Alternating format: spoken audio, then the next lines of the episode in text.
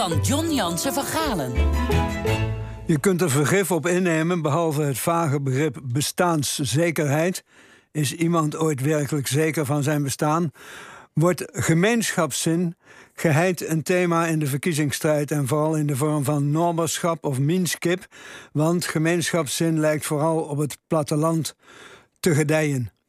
Carolijn van der Plas meldde het in haar HJ schoollezing buiten de Randstad, in streken waar de onderlinge band het sterkst en wederzijdse solidariteit het grootst is, zijn de mensen het gelukkigst.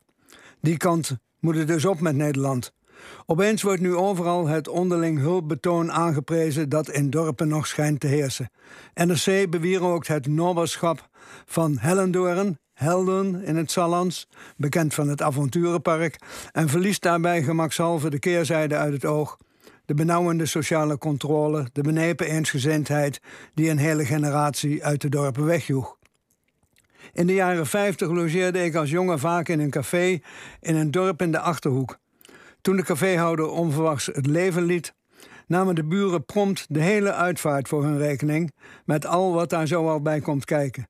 De weduwe werd alles uit handen genomen. Dat was nog eens naberschap. Maar het was ook een dorp waar veelvuldig zelfmoord voorkwam, omdat de benauwdheid van het leven sommigen naar de keel greep. Jongeren trokken er weg naar de stad.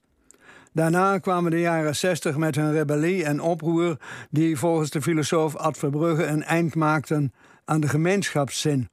Het nieuwe gebod was dat je voor jezelf moest opkomen, het ik-tijdperk was aangebroken en je hoefde blijkbaar niet meer naar anderen om te kijken. Nog weer later keek ook de overheid niet meer naar ons om en kreeg je van hoge hand het bevel tot zelfredzaamheid. Onder het neoliberalisme moesten we onze eigen boontjes doppen en nu zouden we dus met de gebakken peren zitten, geen gemeenschapszin meer. Maar is dat zo? Ontbreekt het in ons land aan gemeenschapszin? Kijken we niet meer naar elkaar om? Weet Verbrugge wel dat Nederland ongeveer het wereldrecord vrijwilligerswerk in handen heeft. Maar liefst één op de vier Nederlanders spant zich regelmatig urenlang belangeloos in voor anderen, ook of vooral in steden.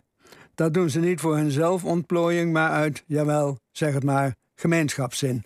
Het grote probleem is alleen logistiek. Hoe krijg je al die vrijwilligers op de juiste tijd op de juiste plaats? Want niemand, dat is ook een vrucht van de jaren 60, laat zich nog jarenlang inroosteren op zaterdagochtend om half negen.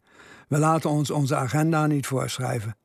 Het pleidooi voor meer gemeenschapszin heeft iets sympathieks, maar ook iets gevaarlijks, want elke gemeenschap is van nature behoudend. We laten elkaar niet alleen niet los, maar houden elkaar ook vast. Het moderne vehikel van wederzijdse belangstelling en bijstand is in dorpen en in steden de buurt-app.